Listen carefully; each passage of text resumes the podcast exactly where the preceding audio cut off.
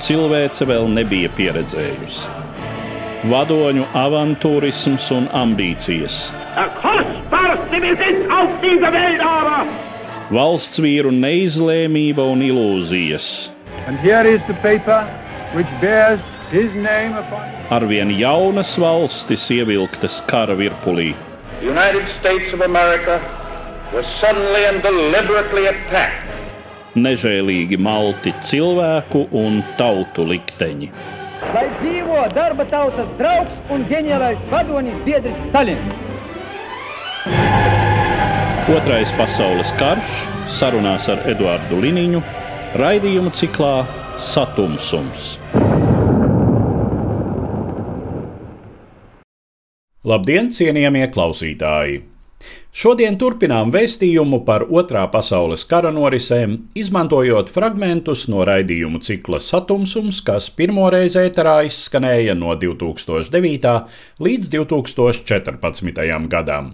Šodien par norisēm Otrā pasaules kara austrumu frontē. Sarkanās armijas uzvaras kaujās pie Staļingradas un Kurskas 1943. gadā pavērsa notikumu gaitu par labu Padomju Savienībai. Tomēr acīm redzams šis pavērsiens kļuva tikai 1944. gada vasarā. Pār laikposmu starp 1943. gada vasaru un 1944. gada pavasari Austrumu frontē stāsta vēsturnieks Latvijas aizsardzības akadēmijas pētnieks Valdis Kusmins. Šis kara posms, ja mēs rēķinām pa posmu, bija viens no ilgākajiem. Varētu teikt, ka nepārtraukta kara darbība sākas 43. gada jūlijā un beidzas tikai 44. gada aprīlī un visu ziemu un arī agru pavasaru sarkanā armija ir spējas uzturēt ofensīvu. Vai nu tā bija Leņņģeradas pievārtē 44. gada janvārī, jeb šie nemitīgi uzbrukumi armijas grupas centra sektorā, Kijevas ieņemšana, un pēc tam Korsuņas Ševčenkovskas rajonā šis izveidotais katls 44. gada janvārī, pēc tam lielais katls, ko izveidoja ielēcot visu pirmo tanku armiju, kura tomēr bija spējīga izlausties no šī ielēkuma, kas bija tāds pēdējais Erika von Mansteina ģeniāla operācija, kur uh, veselas tanku armijas izlaušanās no ielēkuma notika tādā unikālā veidā, ka viņi atkāpās nevis pa mazāko pretestības ceļu, bet tieši mēģināja izlausties tur, kur viņš vismazāk gaida šķērsām sarkanās armijas tanku vienību ceļiem. Un līdz aprīļa sākumam, kad iestājas atpūsnis šī ilgstošā ofensīva apstājas un izveidojas tāds pārtraukums maijs līdz jūnija beigām 1944. gadā. Šodien mēs mazāk zinām par tām kaujām, kur līnijas bija sekmīgas. Piemēram, tas bija armija grupas centrs, 43. gada ziema, 4 mēneši, kur šī nosacītā līnija ļoti sekmīgi tika noturēta. Internetā arī ir pieejama tāda ļoti interesanta lieta, ka Lielā Tēvijas kara laikā Padomju Savienībā vairākas reizes tika izveidotas valdības izmeklēšanas komisijas Maļenko vadībā, kuras izmeklēja tādus ļoti smagus zaudējumus. Par piemēru, viena, kas varbūt ir vairāk zināma, ir tāda, pēc kuras kauja komisija izmeklēja, kāpēc T-34 tanks, kuram vajadzētu būt tehniski labākam, vairs nav tik labs un zaudēja jaunajiem tīģeru un panteru tankiem. Šāda pati komisija tika izveidota, lai izmeklētu pret armiju grupas centrs darbojošās sarkanās armijas vienības, kuras, lai gan mērķi tika uzstādīti grandiozi, protams, par šiem mērķiem mēs neko nezinām. Tā ir tāda ļoti īpatnēja padomju militārās vēstures un historiografijas detaļa, ka viņi nekad neraksta mērķus, viņi raksta par rezultātiem. Un tad liekas, tas, kas sanāca, to arī plānojām. Lai gan, protams, tā nav. Nevienā armijā tā nenotiek. Šeit mērķi bija grandiozi ieņemt Mīnsku, izlausties līdz Austrumprūsijai, ielenkt armiju grupu ziemeļi, bet rezultāts bija pārdesmit kilometri pavirzījušies uz priekšu un iesprūduši kā reiz šajās līnijās.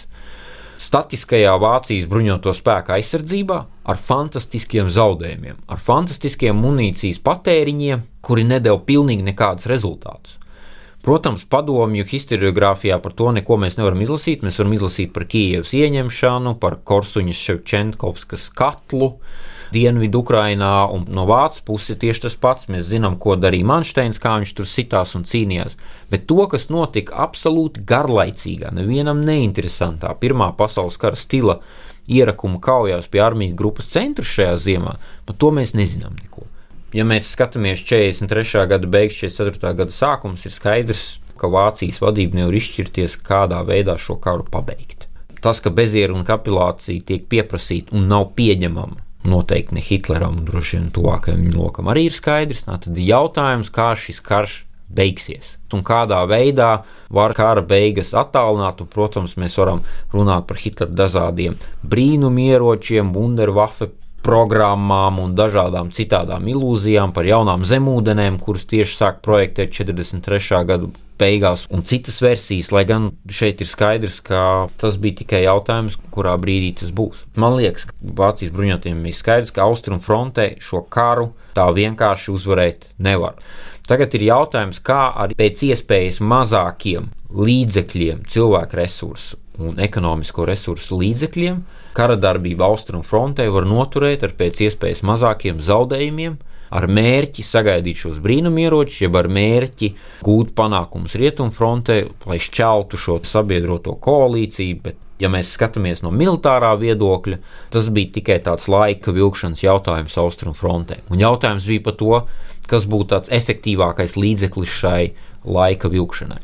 Ja mēs runājam par padomju stratēģiju Otrajā pasaules karā, padomju puse ļoti efektīvi izmantoja savu nelielu panākumu attīstīšanu. Tas ir piemērs no viszemākā līmeņa. Mums ir 19. divīzijas, Latvijas leģiona divīzijas ziņojumi, izlūkošanas ziņojumi, dažādi dokumenti, kur viņi uzsver šo turēšanos vai neturēšanos. Ka nekādā gadījumā mēs nedrīkstam zaudēt nevienu ierakumu, jo, ja mēs zaudēsim šo vienu, piemēram, mazu ciematu Krievijas pilnīgā nekurienē, tad šādā veidā mēs dodam signālu pretiniekam, ka mēs esam vāji, un pretinieks nekavējoties izmantos savus rezerves, lai mēģinātu šo viena ciemata zaudēšanu palielināt līdz rajona zaudēšanai un līdz galvenajam uzbrukumam.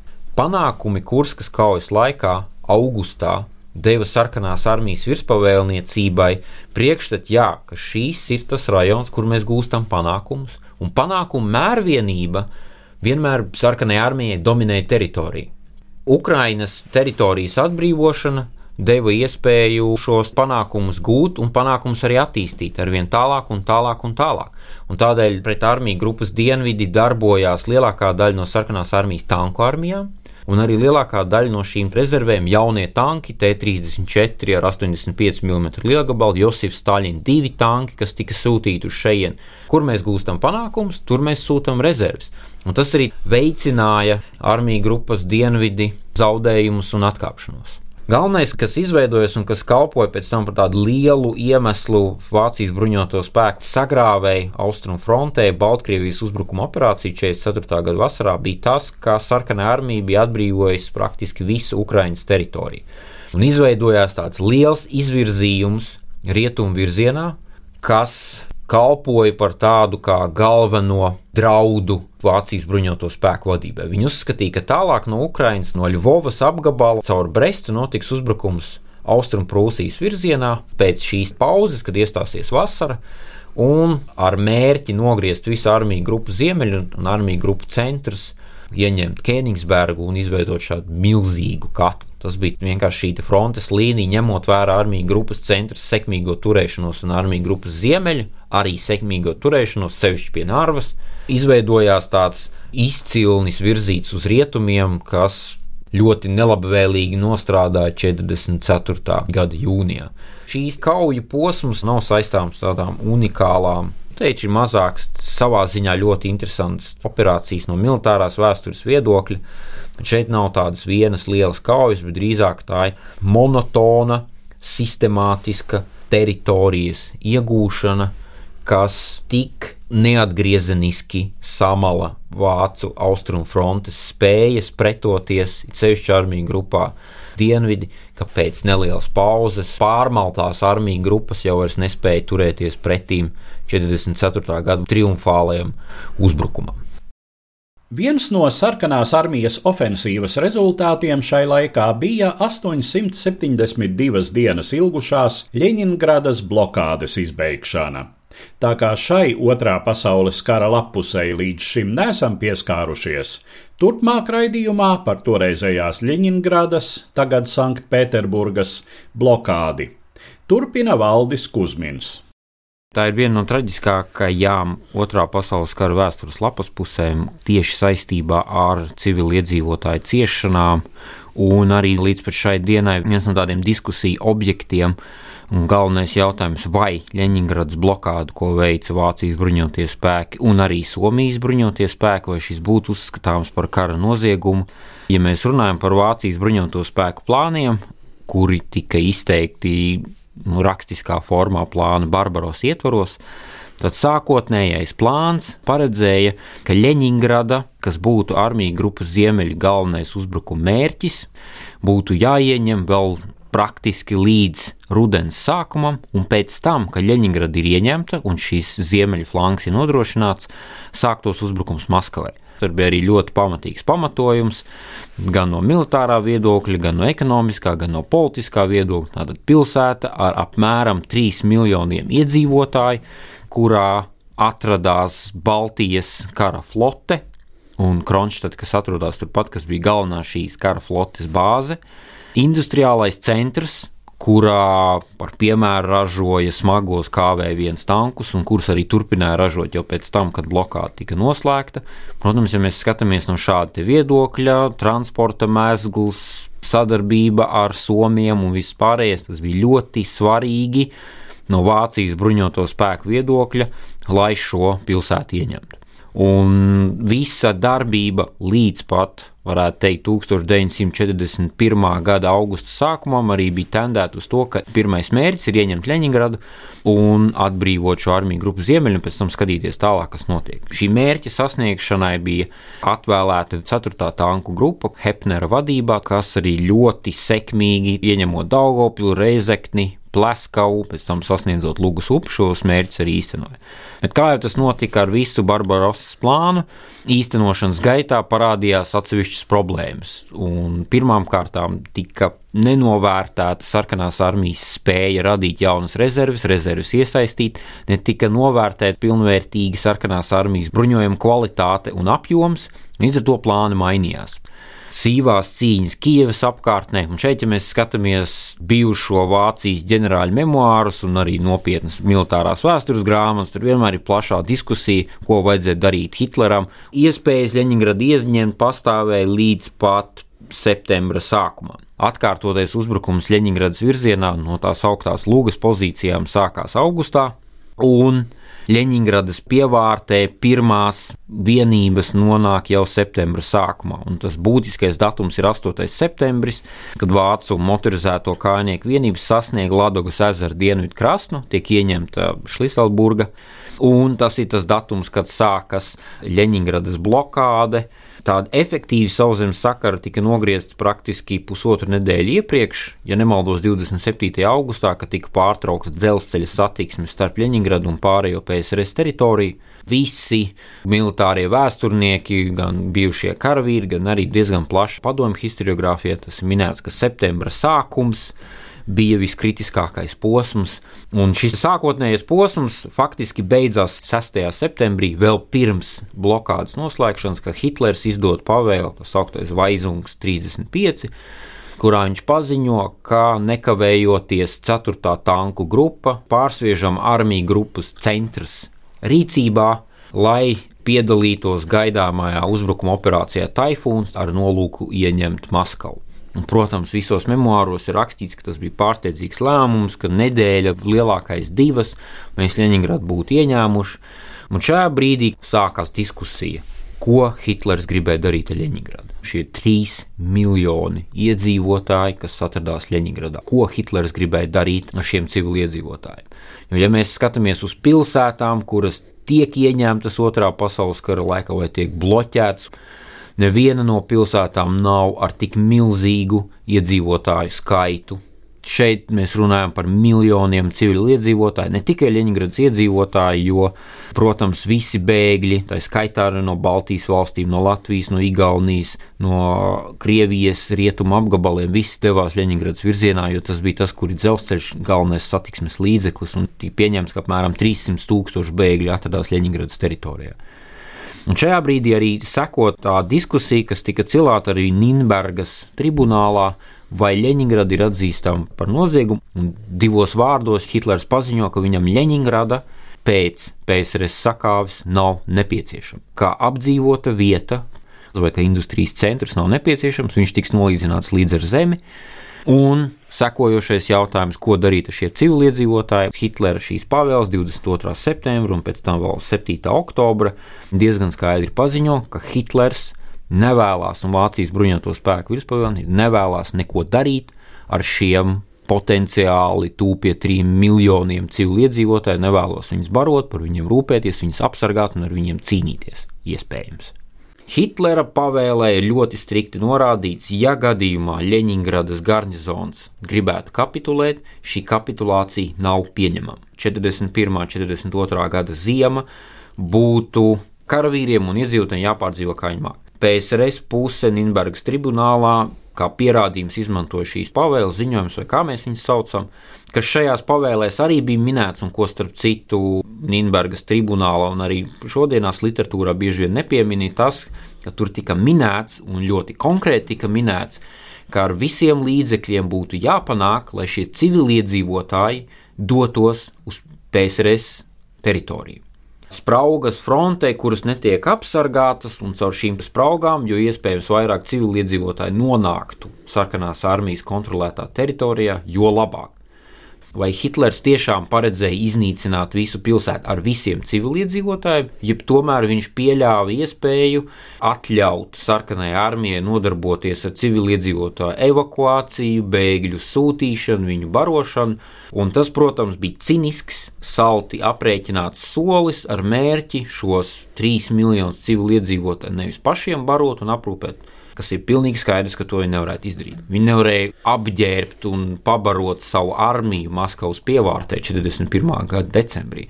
Un ir pilnīgi skaidrs, ka viņi nevarētu ne apģērbt, ne pabarot 3 miljonus civiliedzīvotāju Leņņģeradā pašā un tās tuvākajā apkārtnē. Un šis arguments, ka ja garnizons gribētu kapitulēt, kapitulāciju nepieņemt un ļaut viņiem visiem nomirt bada nāvē, ir ļoti hipotētisks, jo ir pilnīgi droši skaidrs, ka Ļeņingradas garnizons kapitulēt netaisījās. Līdz ar to apsūdzēt Hitleru, kā būtu, ja būtu, ja garnizons būtu kapitulējis un kā viņš būtu rīkojies, tā tāda minēšana.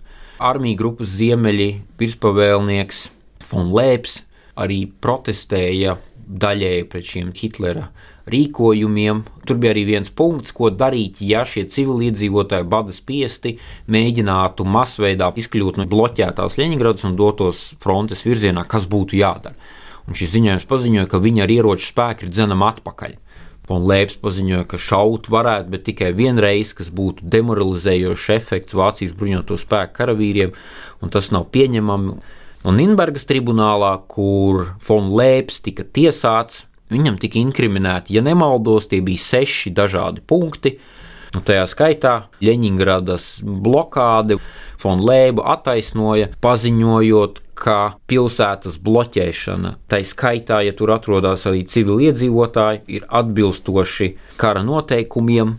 Nepieļaušana padoties tikai civiliedzīvotājiem arī ir pieļaujama ņemot vērā iepriekšējo 500 gadu militāro pieredzi, tika atzīts, ka tas nav kā nozīme. Viņi atzina par vainīgu, ja nemaldos, vienā punktā saistībā ar Barbarosas plānu īstenošanu, bet ne saistībā ar Leņņģeradas blokādi. Šajā kontekstā ir jautājums, ko darīja Somi, jo Somi sāk aktīvu kara darbību pret Padomju Savienību 29. jūnijā, šķērsoja toreizējo PSRS Somijas robežu un jau ļoti ātri sasniedza bijušo Somijas PSRS robežu Karēlijas šaurumā.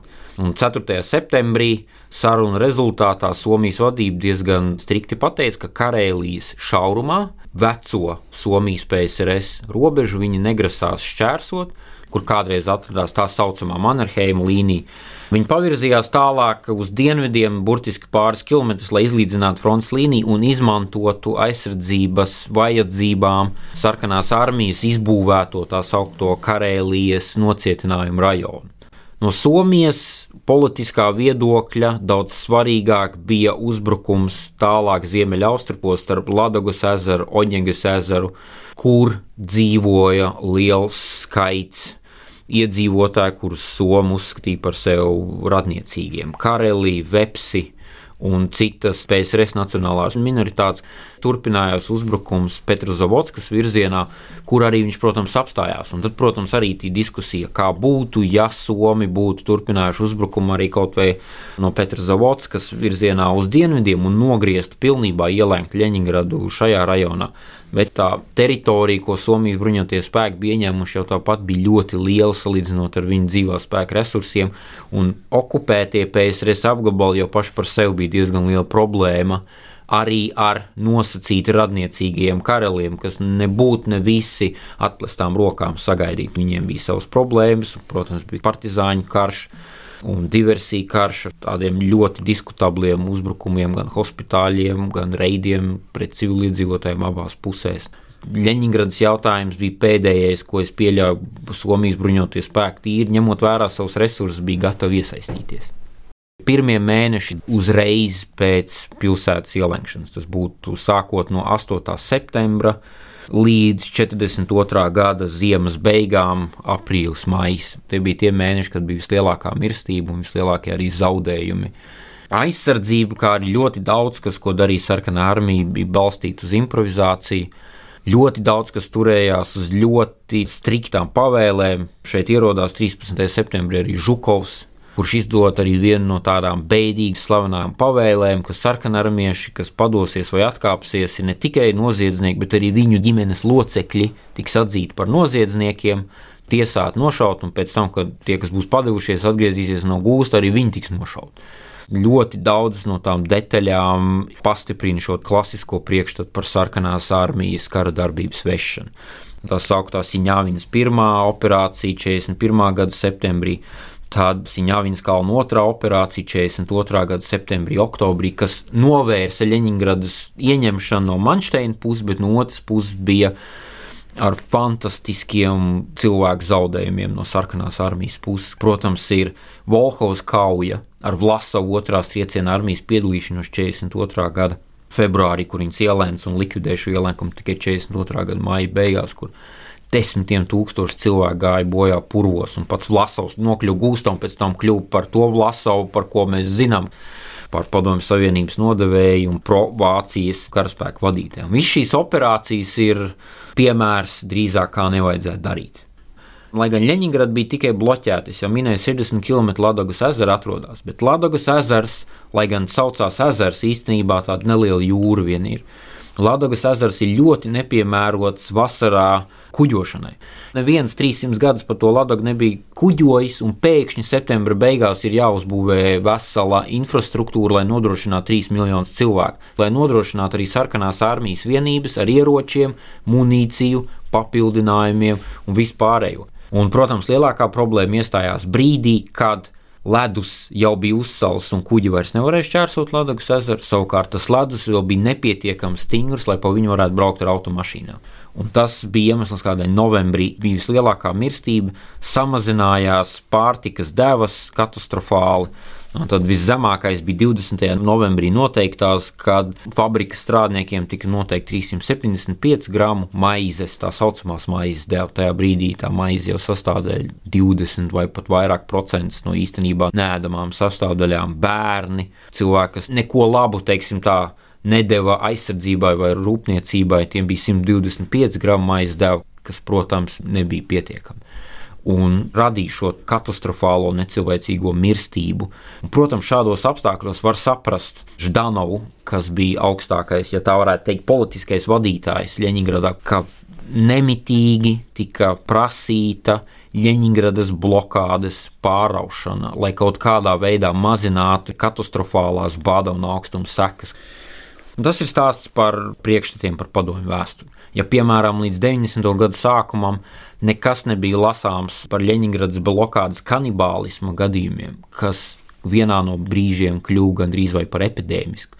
Janvārī, februārī, ja nemaldos, bija runa par tūkstotis gadījumiem, kad cilvēki tika tiesāti par slepkavībām ar mērķi pēc tam apēst šos upurus.